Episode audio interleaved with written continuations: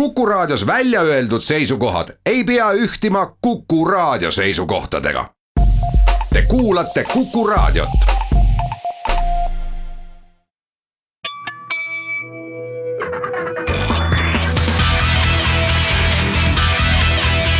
õigus ja õiglus. tere, kes meist seda ei teaks, et heaks täiskasvanuks kasvamine ei kipu olema kiire sirgtee, kus ühtki mure ega konarust teel ette ei tule.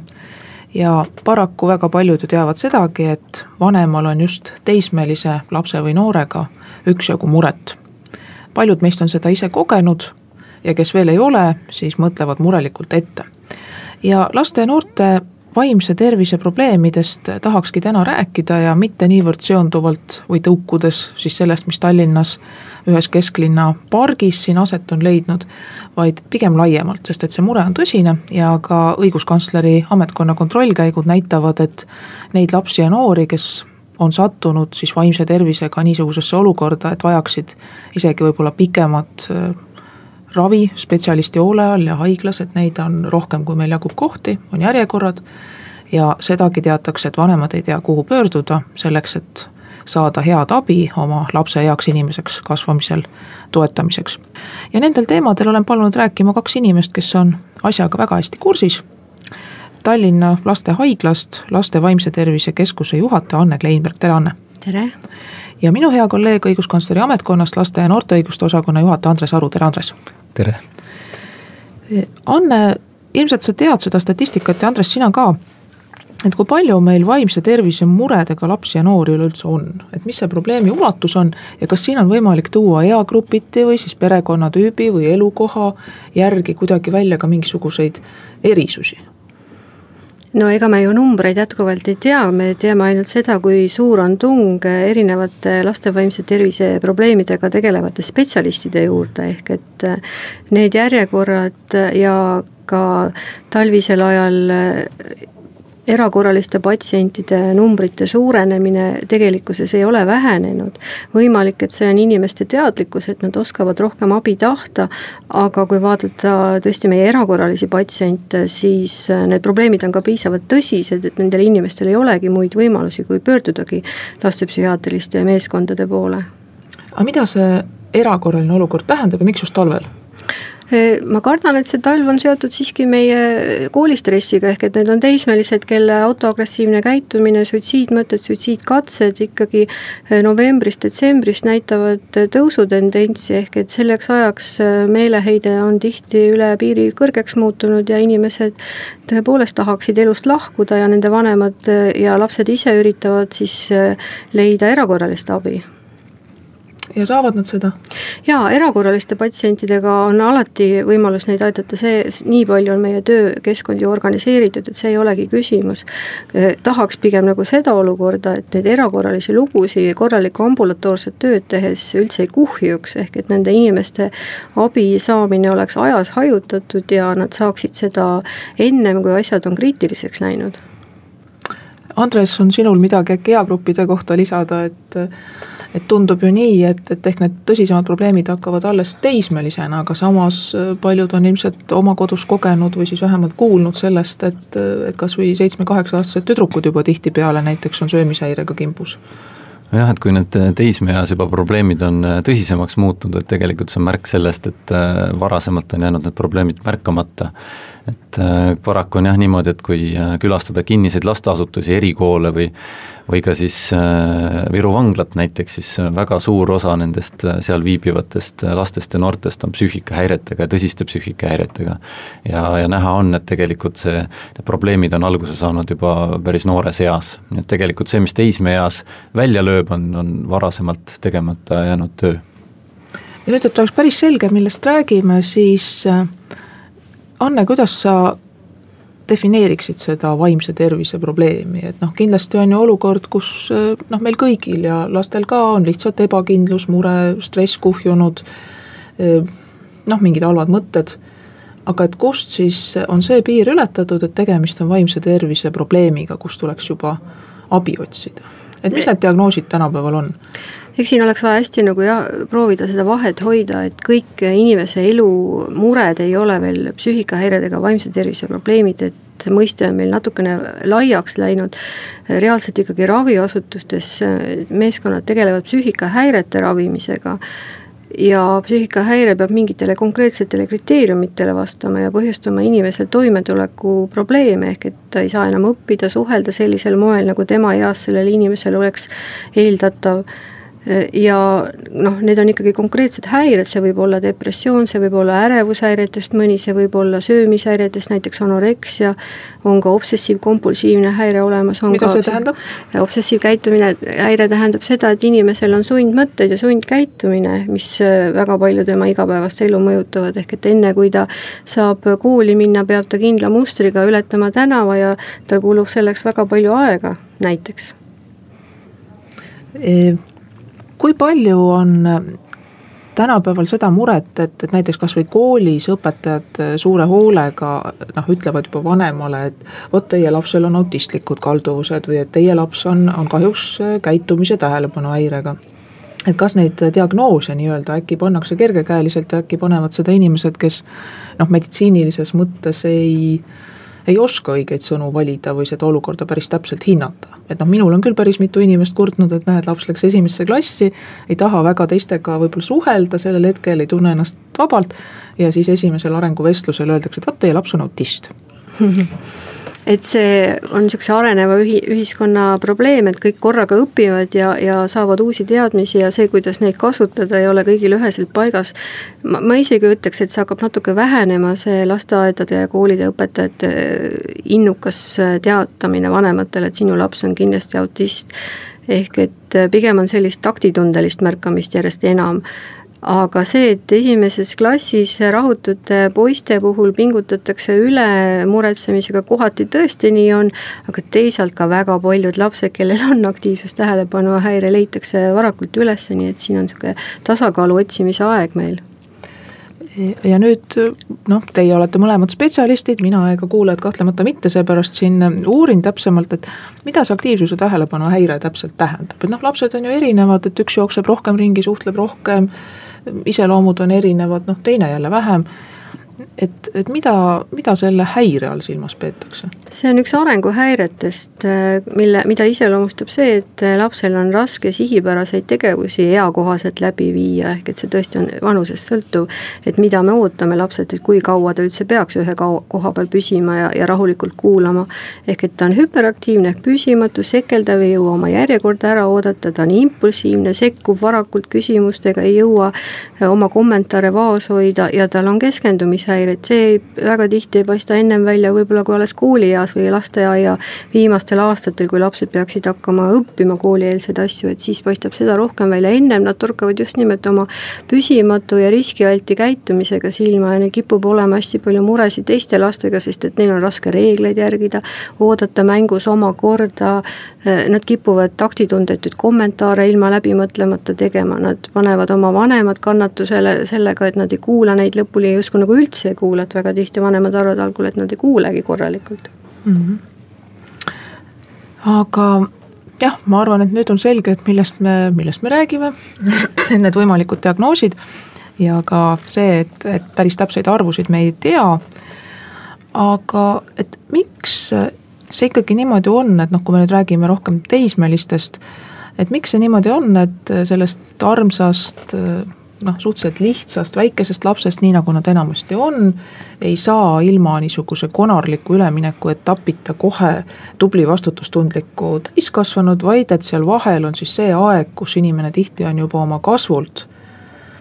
on juba täisealise mõõtu ta ise justkui tahaks juba olla sõltumatum, aga seda elukogemust ja kõike ei ole ja siis see kuidagi avaldubki selles, et kas hakatakse ennast kahjustama või, või otsitakse kambast tuge ja tehakse mingisuguseid rumalusi, mis on ühiskonnale ja vanematele suureks mureks. et miks see nii on, et kas see on kuidagi hormoonidest, geenidest, kas see nii-öelda see teismeiga ja sellega seotud mured tabavad kõiki või mõni on õnnelik, kellel see läheb niisama mööda ehk et inimese areng, psühholoogiline areng toimub etappidena ja teismeiga on ka üks nendest etappidest, üks äh, suurema, suuremate väljakutsetega nii lapsele kui vanemale, ehk et e, aga ma arvan, et siin on hästi oluline rõhutada, et ega see ei tähenda totaalselt häiritud käitumist ja kõikvõimalike äh, ühiskonna ohtlike tegude tegemist, et siis on meil ikkagi tegemist juba käitumishäirega või kuritegeliku käitumisega, ehk et puberteedis olemine on väljakutse, mõnikord ei paista see üldse niimoodi välja, et, et inimene halvasti käituks. miks see on noorele raske, miks see vanemale raske, on see, et inimene peab eralduma oma täiskasvanuks saamiseks oma vanematest ja see on emotsionaalselt hästi raske. et sinnamaani oled sa olnud nendega lähedane, sa oled suutnud respekteerida nende tõdesi, aga ühel hetkel nii bioloogia kui eh, sotsiaalne eh, ruum ütleb sulle, et sa pead leidma oma tee, saama iseseisvaks inimeseks ja siis sa pead leidma ka, et milline mina ise päriselt olen. ega see loomulikult ei erinegi võib-olla nii palju sellest vanema poolt saadust, aga mingiks ajahetkeks tühistab noor kõik need vanema tõed, rohkem või vähem vaidlustab selleks, et saada iseseisvaks indiviidiks ja, ja see võib olla noh, väga ebakindlusest täidetud, kuna ühtpidi tahaks nagu kõva häälega teatada, et kõik teie tõed on valed, aga oma tõdesid veel ka tegelikult ei ole ja noored on selles vanuses ka hästi ebakindlad, kuna nad tahaksid sotsiaalset staatust ja ja tahaksid olla imetletud ja populaarsed ja, ja, ja ja samas äh, peavad ennast väga mittetäiuslikuks, enamasti nad arvavad ennast halvemini, kui see tegelikult on ja see vaakum tekitab väga palju sihukest meeleheitlikut mässamist, trotsi ehk trotsi iga hinna eest ja eriti, kui suur inimene aru ei saa äh, ja läheb kaasa selle trotsiva käitumisega, siis võib nagu veel eriliselt see noor inimene üle pingutada no kriminoloogid on ka uurinud seda noorte õigusvastast käitumist ja tegelikult on leidnud, et et suurem osa noortest meestest paneb enne neljakümnendat eluaastat vähemalt ühe süüteo toime, et, et suurem osa lihtsalt ei jää vahele. et, et mingis mõttes selline riskikäitumine ja ka selline piiride kompamine on teismeeas noh, ka loomulik ja see läheb üle tihti ta läheb üle ilma väga suure välise sekkumiseta, et see ongi selline faas, mis lihtsalt möödub. Ja nüüd seoses nende samade noorte kogunemistega, kus on ka olnud teatud määral vägivalda ja, ja on olnud äh, alkoholi ja narkootikumide tarvitamist, et siis on ju ka seda selgitatud, et tegelikult mitte iga niisugune noh, vale käitumine ei pruugi tähendada, et selle inimese koht on vanglas täna ja tulevikus. et see võib-olla ei olegi kõige mõistlikum, vaid et siin tulebki läheneda igaühele eraldi ja, ja proovida igaühte eraldi aidata, et ilmselt see noortevangla ei ole see koht küll. et kust, kust siis see hea inimene lõpuks välja tuleb jah, et äh, paraku ta nii on, et vangla ei paranda, et seda näitavad uuringud, et, äh, et, et ikkagi päris mitmed lapsed, kes on vanglasse sattunud, nad panevad uuesti toime kuritegusid. Et, et kuuskümmend protsenti nendest panevad juba esimese kahe aasta jooksul uue süüteo äh, toime, kes on sinna sattunud. Ja, ja noh, vanglas ikkagi see keskkond ei ole selline, mis ütleme, psüühikahäirega noore jaoks oleks kuidagi toetav või rehabiliteeriv, et paraku ta nii on, et koolis näiteks õpivad seal alaealised äh, koos täisealiste kinnipeetavatega ja noh, et, et lisaks koolitükkidele nad õpivad nende käest ka, ka igasuguseid muid, muid asju, et noh, et, et, et äh, et ma arvan küll, et kinnine asutus on äh, teatud erandlikel juhtudel vajalik, aga see peaks olema siis ikkagi selline asutus, mis on spetsiaalselt laste jaoks kohandatud, nagu on meie kasvatuse eritingimusi vajavad koolid, mis on tegelikult viimastel aastatel päris suure arengu läbi teinud ja, ja arenevad edasi, kus on inimesed, kes on spetsialiseerunud käitumishäiretega lastega töötamisele, et see vangla, kus lapsed ikkagi tegelikult on täisealistele mõeldud asutuses täisealistega koos õppimas ja, ja, ja, ja programmides, et, et see ei ole, see ei ole õige.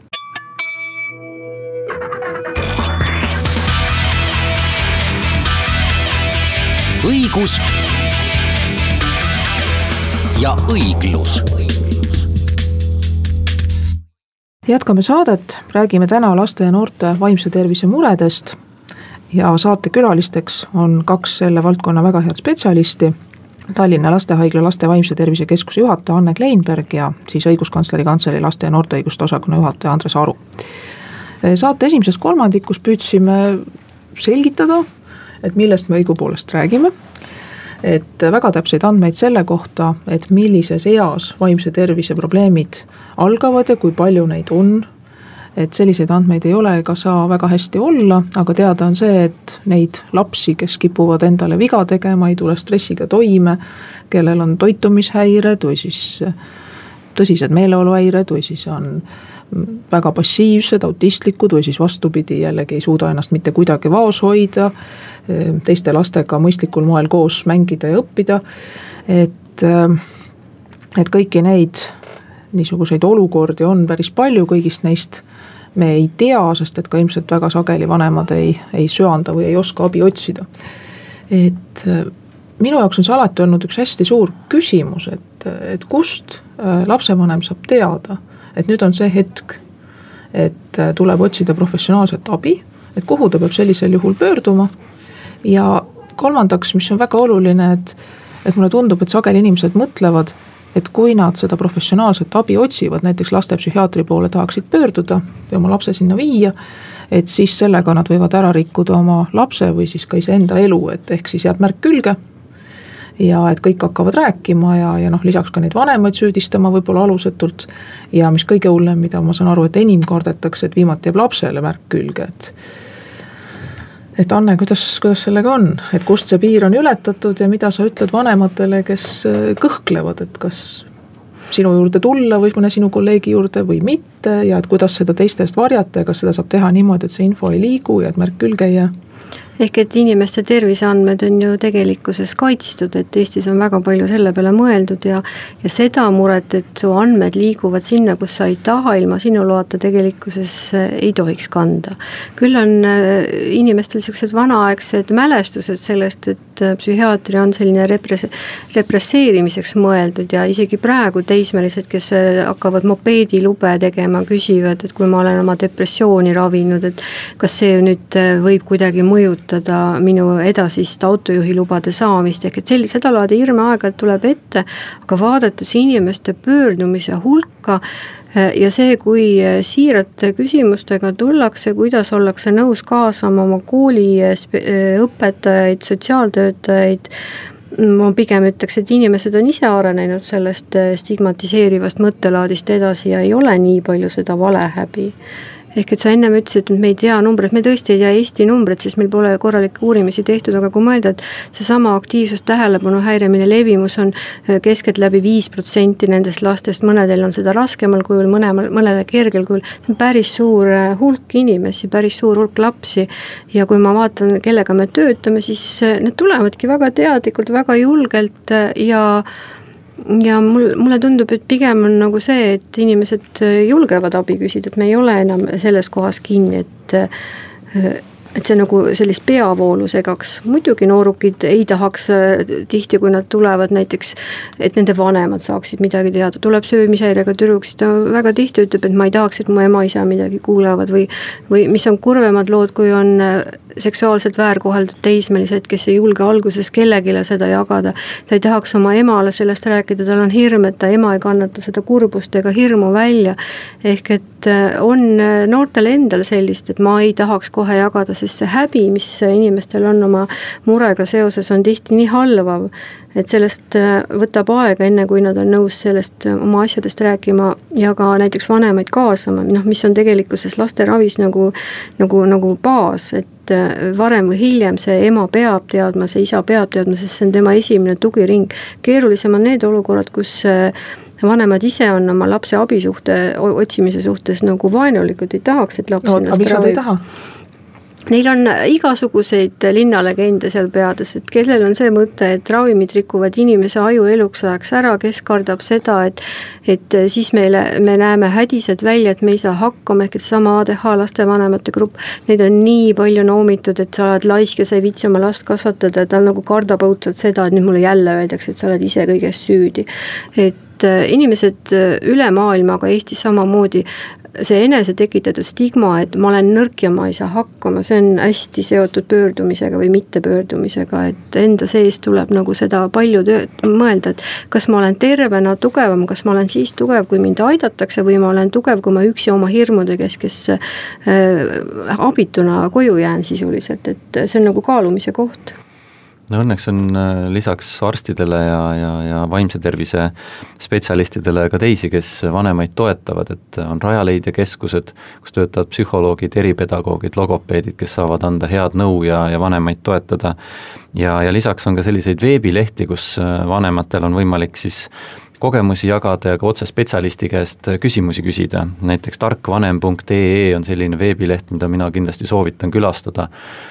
et seal on äh, erinevatel küsimustel võimalik, erinevaid küsimusi võimalik esitada ja pereterapeudid, psühholoogid vastavad, samuti www.peaasi.ee et selliseid kohti on, kust on võimalik ka näiteks anonüümselt äh, abi paluda, kui ei julge kohe ise minna näost näkku spetsialistiga kohtuma mm. -hmm. paljud kirjutavad meili, et mul on niisugune lugu, et kas see on piisavalt tõsine, et teie juurde tulla. mõnikord ma ütlen jaa, muidugi, mõnikord ma ütlen, et ei, et sa võiksid Tallinna Perekeskusesse minna, et see on tegelikult see, et kuidas oma last kasvatada, ehk kui näiteks vanemad eh, on keerulistes elumuutustes, et eh, mitte kõik nende laste mured ei ole kohe psüühikahäire, vaid et kohanemine keerulise muudatusega nõuab kõikidelt ressursse ja ja tegelikult on väga normaalne minna perenõustajate, pereterapeudi juurde ja rääkida oma asjadest seda nüüd äh, tahtsingi küsida veel täpsemalt, et ikkagi, kuidas sellest piirist aru saada? et kuhuni on lihtsalt inimese iseloom, kasvamise raskused hmm., niisugune elu noh, hetkeolukord, lihtsalt paha tuju, hetkeks siht silmest kadunud, väsimus ja kust, kust alates on ikkagi see vaimse tervise probleem, et kas seda saab niimoodi kirjeldada, et, et kuidasmoodi sina selle ära tunned või kuidas selle vanem peaks ära tundma? noh, see peab olema mingi püsiv häiritud käitumise või häiritud meeleolu või häiritud psüühikamuster, et äh, depressioon näiteks oma põhisümptomitega peaks olema kaks nädalat vähemalt igal päeval valdavalt need äh, olema esinenud, ehk et et iga lühike kurvatuju episood ei ole, aga nagu ma ennem ka ütlesin,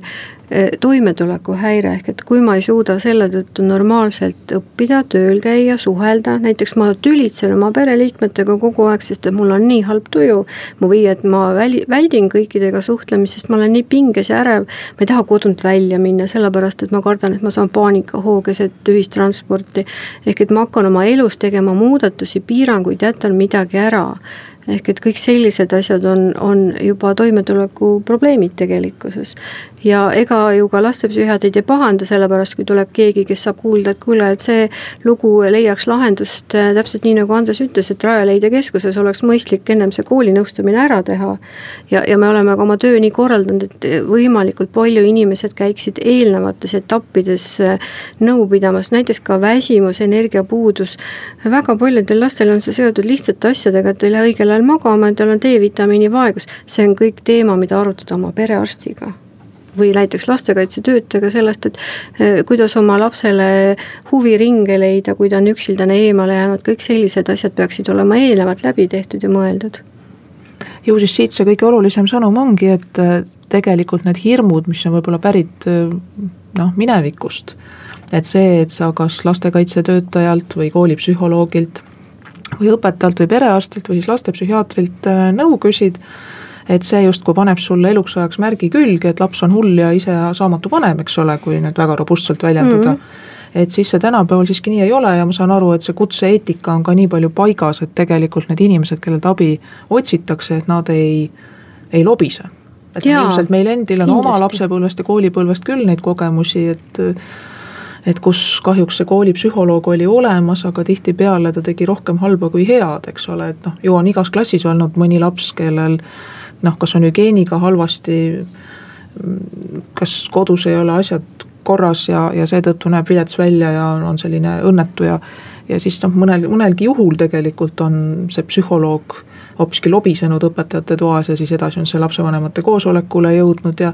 et noh, need mälestused on kõikidel, aga ma saan aru, et tänaseks päevaks on see olukord siis muutunud Nad on oluliselt paremaks läinud muidugi, ega tuleb ka praegu ette seda, et nooruk on ära ehmatanud oma koolipsühholoogi käitumisest või õpetaja, kes peaks teda aitama, sekkub asjadesse, kuhu ta ei peaks sekkuma ja paneb nooruki lõpuks trotsima kogu õppetööd, ehk et see taktitunde küsimus ja ka professionaalsuse küsimus ei ole kuhugi kadunud, aga ta on oluliselt paranenud, ehk et inimesed on oma ameti eh, uhkuse tõttu tõsiselt eh, ikkagi järele kaalunud ja kuidas nad töötavad, aga kui no tuleb kõike ette, aga inimeste maailm ei ole kunagi imeline, illusoorne ega täiuslik. no nii, et üks asi on, millest me oleme veel eh, jätnud eh, rääkimata, et kus jällegi võib-olla selle noh, piiri määratlemine on keeruline, et kust alates peaks otsima professionaalset abi ja nägema seda probleemina ja kuhuni see on tavaline kasvamine. ja see on noh, see soov oma iseseisvumise käigus, mida Anne puudutas, tegelikult ikkagi noh, kuuluda kellegagi sarnaneda, kellestki eristuda ja sealt siis tulevad need noortegrupid, mida teinekord äh, siis gängideks või kampadeks nimetatakse. ja tõenäoliselt see on ju ka see koht, kus äh,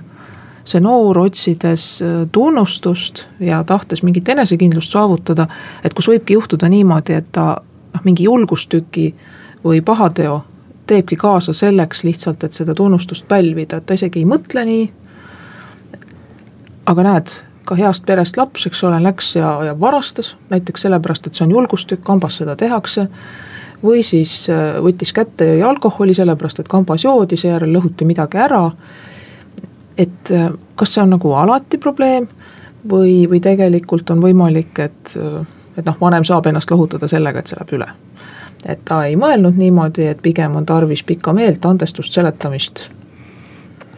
andestus ja andeks andmine, leppimine tuleks sinna suhetesse alati alles hoida, ehk et selle peal sa tegelikkuses saad seda inimest heale teele tagasi võita. teine asi on, et kui tihti sa andestad ja milliste tegude eest noh, ei ole võimalik andeks anda. et on võimalik üritada inimest mõista, ehk et see on pidev niisugune tasakaalu otsimine, kui sa last kasvatad, ega juba väga varakult äh, nende impulsi kontrollimine eeldab seda, et sa õpetad neile, kuidas peab käituma, aga annad andeks, kui ta veel ei suuda, eriti väikesed lapsed, kes ongi looduse poolest püsimatud ja, ja impulsiivsemad. teismelistel tuleb selline impulsiivsuse plahvatus eh, omakorda peale, ehk et nende otsmikusagar tõepoolest mingiks ajaks ei suuda kogu seda tungi nii hästi ohjes hoida, et neil ka juhtub asju aga hästi oluline on just vanemate ja täiskasvanute taktika, et kui see noor tajub, et ma võin oma hullu asja kõige esimesena oma kodus ikkagi ära rääkida, siis on pigem see tagasipöördumine heale rajale nagu tõenäolisem kui see, et ta pidevalt peab hakkama peitma, varjama ja salgama. ja tal on kogu aeg tunne, et niikuinii keegi must aru ei saa ja keegi ei viitsigi lõpuni kuulata, miks mul need asjad juhtusid, et see on niisugune Äh, vanema jaoks niisugune mõnus tasakaalu otsimise aeg, ehk et ei saa jääda koju niisama uinama, vaid vastupidi, tuleb uuesti ennast diivanilt püsti ajada ja olla täiesti tippvormis lapsevanemana et islandlastel on selle probleemiga tegelemisel hea näide tuua, et nendel oli ka mõned aastad tagasi või noh, ütleme kümned aastad tagasi probleem, et noored äh, hulkusid kampades linna peal ja tarbisid alkoholi ja neil oli sihuke väga tõsine probleem. ja siis äh, tehti paar konkreetset asja, üks oli see, et kõikidele noortele äh, huviharidus, olgu siis see ja, ja, ja valik oli suur, olgu see sport, on see muusika, on see näitlemine igale ühele oli see huviharidus tasuta kättesaadav, nii et keegi ei jäänud niisugusest mõtestatud vaba aja veetmise võimalusest ilma. teine asi, mida vanematele südamele pandi, oli see, et tuleb veeta aega lastega. et iga nädal tuleb võtta see aeg ja, ja olla lastega ja rohkem asju koos teha. ja olla teadlik sellest, kellega laps suhtleb, kus ta käib ja kolmas asi oli see, et äh, teatud vanusest, seal kolmeteist kuni viieteistaastased ja nooremad ei tohtinud äh, olla peale kella kümmet avalikus ruumis linna peal kusagil hulkumas, vaid vanematega koos ja vanemad pidid teadma, kus nad on. ja nüüd äh, kümne-viieteist aastaga nad on väga häid tulemusi saavutanud, et äh, noorte alkoholi tarbimine on vähenenud, narkootikumide tarbimine on vähenenud selline linna peal kampades hulkumine samuti.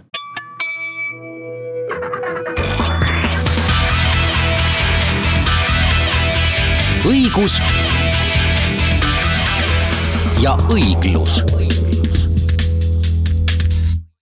jätkame saadet, räägime täna laste ja noorte vaimse tervise probleemidest, arutame, et kuidas õigel ajal ära tunda, et tegu on probleemiga, mitte lihtsalt kasvamise raskusega, kust saada abi. ja oleme nagu ikka siin mikrofonide taga kolmekesi, Andres Aru, Anne Kleinberg ja Ülle Madise. ja jõudsime sinnani, et tegelikult tänasel päeval on abi otsimine mõistlik tegu ka siis, kui vanem ei ole kindel või laps ise ei ole kindel, et kas see kurb meeleolu või siis mingit laadi sõltuvus või siis äh, näiteks kambaga koos tehtud pahategu, et kas see juba ületab äh, piire, et kas nüüd tuleks hakata ravima või, või leida mingisugune nõustaja. et ka siis ikka tasub äh, küsida, keegi seda pahaks ei pane. ja et üldiselt on ka ametieetika oluliselt paranenud, nii et, et seda, mis võib-olla kunagi on olnud ja mis võib-olla linnalegendides on elanud suuremalt ja värvilisemalt, kui selleks alust ongi. et seda tänasel päeval sel kujul enam ei, ei ole ja jõudsime teise kolmandiku lõpus selleni, et, et noh,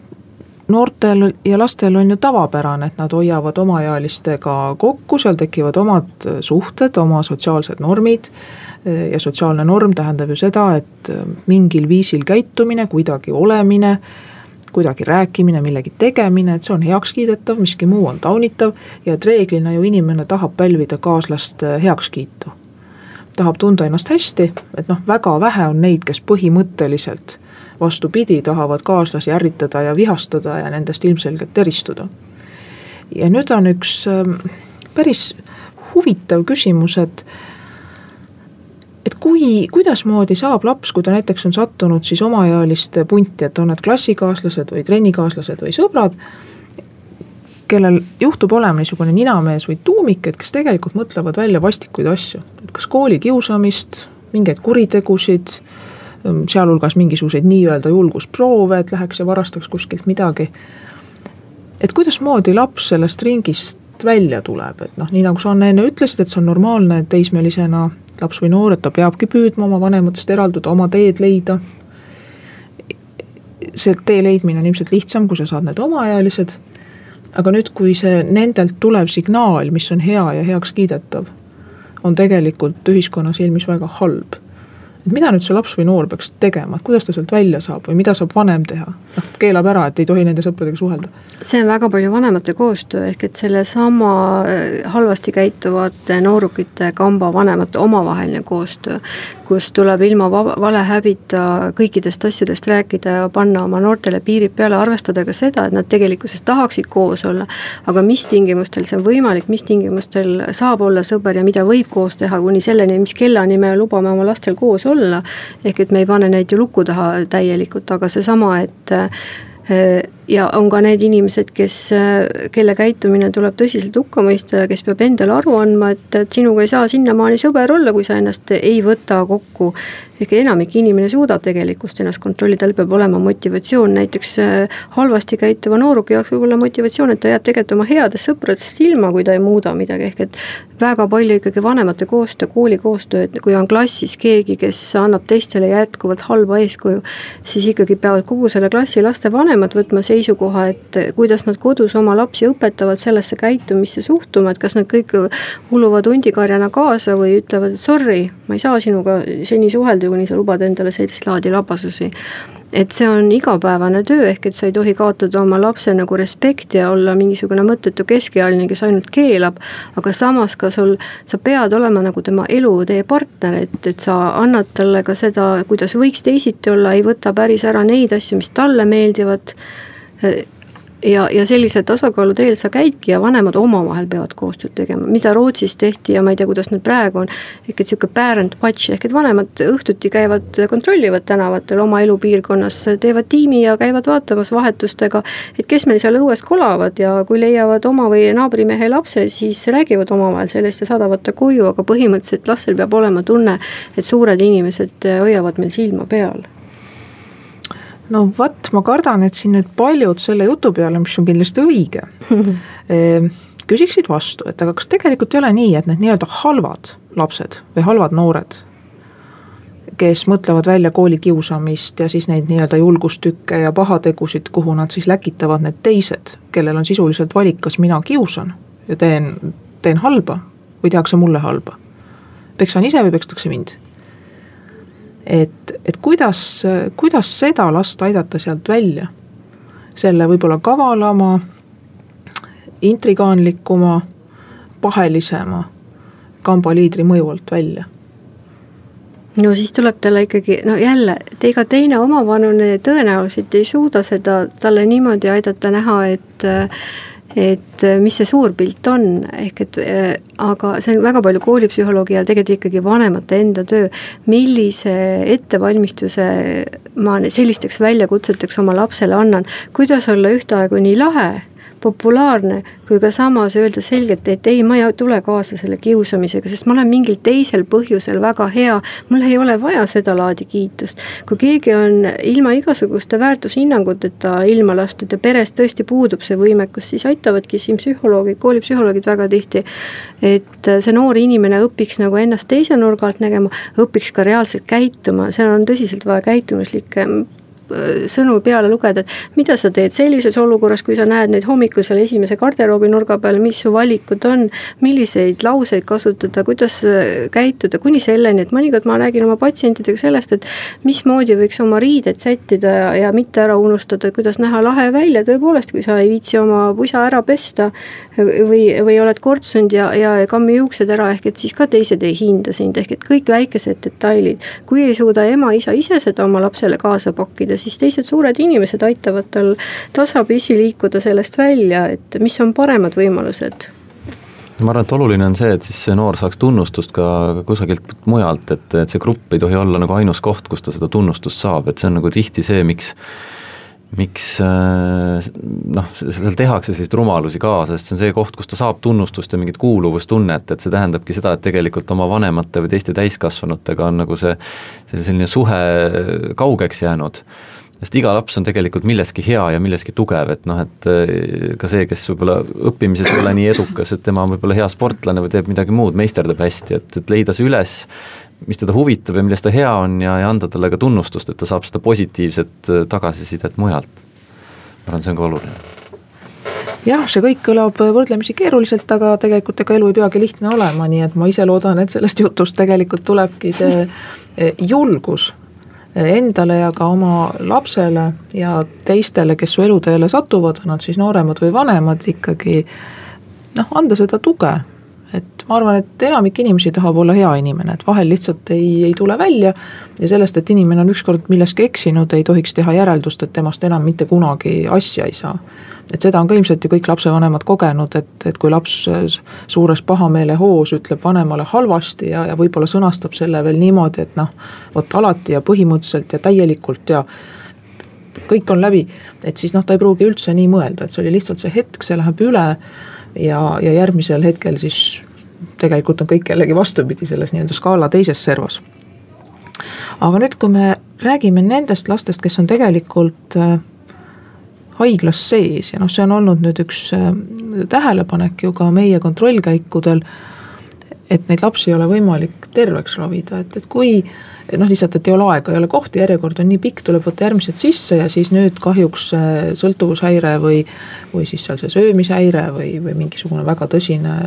noh, meeleolu probleem, et see tegelikult pöördub kodus elades väga kiiresti tagasi või selles vanas keskkonnas.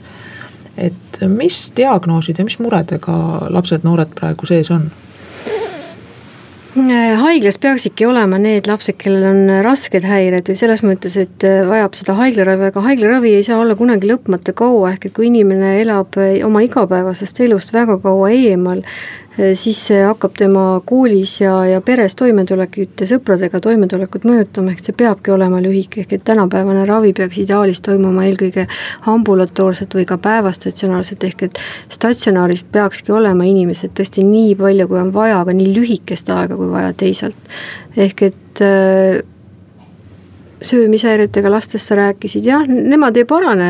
tegelikkuses äh, nädalatega ega päevadega, nad paranevad kuude ja aastatega. ja seal on ka alati kaalumise koht, ehk et kuidas äh, leida see õige moment, millal ta nüüd võiks koju minna. Eh, üks esimene anoreksia episood tegelikkuses, kui inimene on väga-väga kehvas keha, äh, kehamassiga, väga kehvas seisus, võiks ideaalis olla haiglas kaks kuud järjest, aga ükski nooruk ei taha olla oma koolist nii kaua eemal, oma perest ja tegelikkuses mida rutem rutem see pere saab võimaluse oma lapsega ise seda õiget toitumist ja elamist harjutada, seda parem see on, ehk et inimene peaks oma loomulikku keskkonda tagasi minema. kes on veel haiglas, haiglas on, äh, väikelaste osakonnas on lapsed, kes on keerulise käitumisega, mida vanemad ei suuda ise kodus enam juhtida, mõjutada ega mõista, nemad on näiteks haiglas. Nad on alguses uuringutel, et aru saada, milline ta areng on, mis tal viga on tegelikkuses ja kuidas ka seda kummalist või, või tihti väga pöörast käitumist siiski vanem saaks mõjutada õpetada, enamasti on võimalik seda juhtima õppida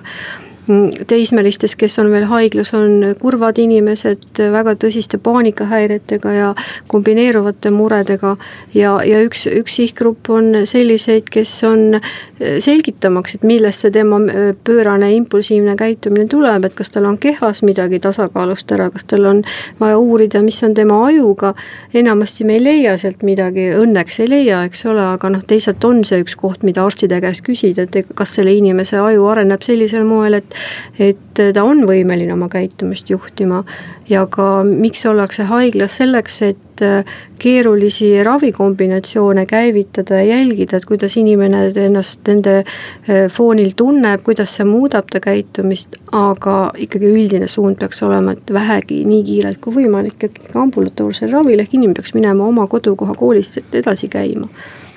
no muidugi see eeldab siis seda, et seal äh, kodus äh, lapse raviplaani järgimist suudetakse tagada ja seda, et need äh, spetsialistid koolis toetavad seda lapse paranemist. et noh, mõnel korral on ikkagi ette tulnud, et, et laps on pendeldanud haigla ja, ja kodu vahet seal üheksateist korda ja ja noh, et sellised juhtumid on, on ikkagi kurvad, seal on näha, et tegelikult on vaja koostööd psühhiaatrite, lastekaitsetöötajate, sotsiaaltöötajate vahel, et sellises koduses keskkonnas, kust laps kogu aeg haiglasse satub, et, et seal on vaja muutusi. ja noh, selge on see, et ega arstid ei saa noh, nende võimetel on ka piirid, et ega nad kogu, kogu pere ei saa terveks ravida ja kõiki pereprobleeme ära lahendada, et seal on selgelt lastekaitse ja sotsiaalsüsteem, mis peab appi tulema. ja, ja, ja vajadusel siis on vaja ka laps sellest perekeskkonnast mingis, mingiks ajaks eraldada. sest et selline olukord, kus kus laps naaseb näiteks haiglast oma seksuaalse väärkohtleja juurde või, või siis sinna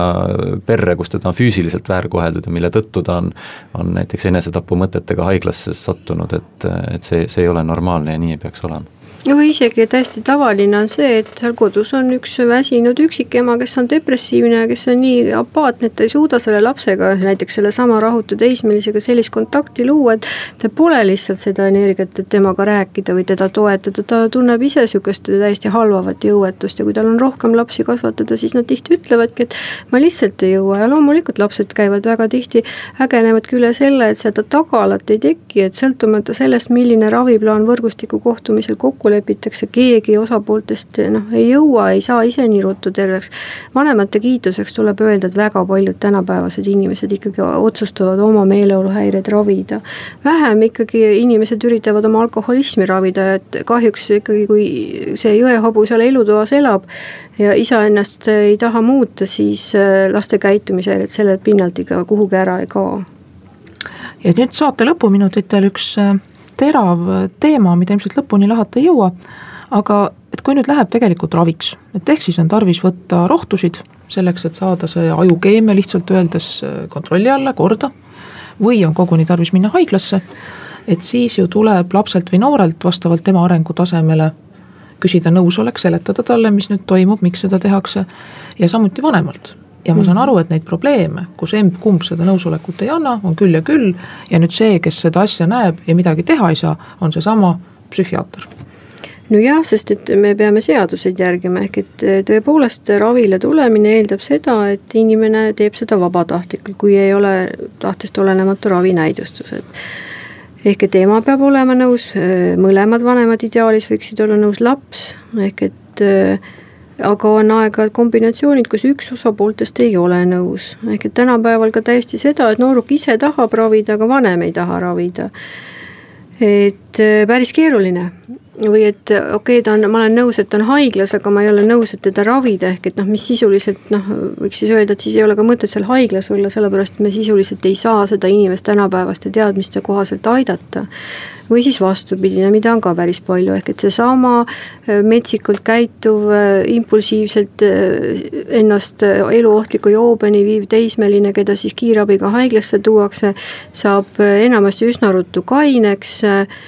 ta on rääkinud kodus väga tihe, sageli seda, et elul ei ole mingit mõtet ja võiks sama hästi ära surra, aga sellel päeval, kui ta on kaine ja ta on piisavalt tüdinenud ühes kohas olemisest, tahaks minna sõpradega seiklema, ütleb ta, et, et, et mina küll ei taha siin haiglas rohkem olla, siis ta lähebki ära ja siis ema on meie peale pahane, et miks te mu last siin ei hoia, et ma ei saa ju temaga hakkama, kuidas te olete nii vastutustundetud. aga sellel lapsel ei ole rasket psüühikahäiret ja tegelikkuses teda saaks ka mingites muudes tingimustes ravida, ehk et tal ei ole tahtest olenematu ravikriteerium kriteeriumid täidetud, et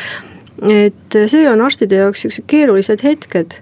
Või, või, või kui näiteks äh, anoreksia haige tüdruk on olnud haiglas juba kuude kaupa ja tegelikkuses ta on kroonilise kuluga ja me teame, et lähima kahe nädala jooksul alustab ta kodus jälle meeleheitlikult enese näljutamist, aga aga inimene peaks saama koju, me peaksime saama proovida ja tõepoolest jälle, ta kehalised näitajad on sellised, et noh, mul ei ole põhjust öelda, et täna kohe on ohtlik ja lähima nädala jooksul ka ei ole ohtlik.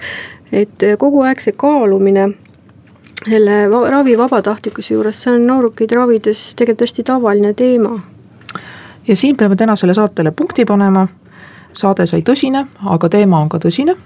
ja kindlasti positiivselt võiks kõlama jääda see, et enamik inimesi ikkagi kasvab eaks inimeseks. Vanemaga lapse elu ei ei ole ega saagi olla päris kerge alati, päris pilvitu, aga see annabki elule vürtsi ja maitse. ja tegelikult see abivõrgustik on Eestis olemas, et tuleb vaid osata ja julgeda. Andres Aru, Anne Kleinberg, suur aitäh saatesse tulemast ja aitäh kõigile kuulajaile.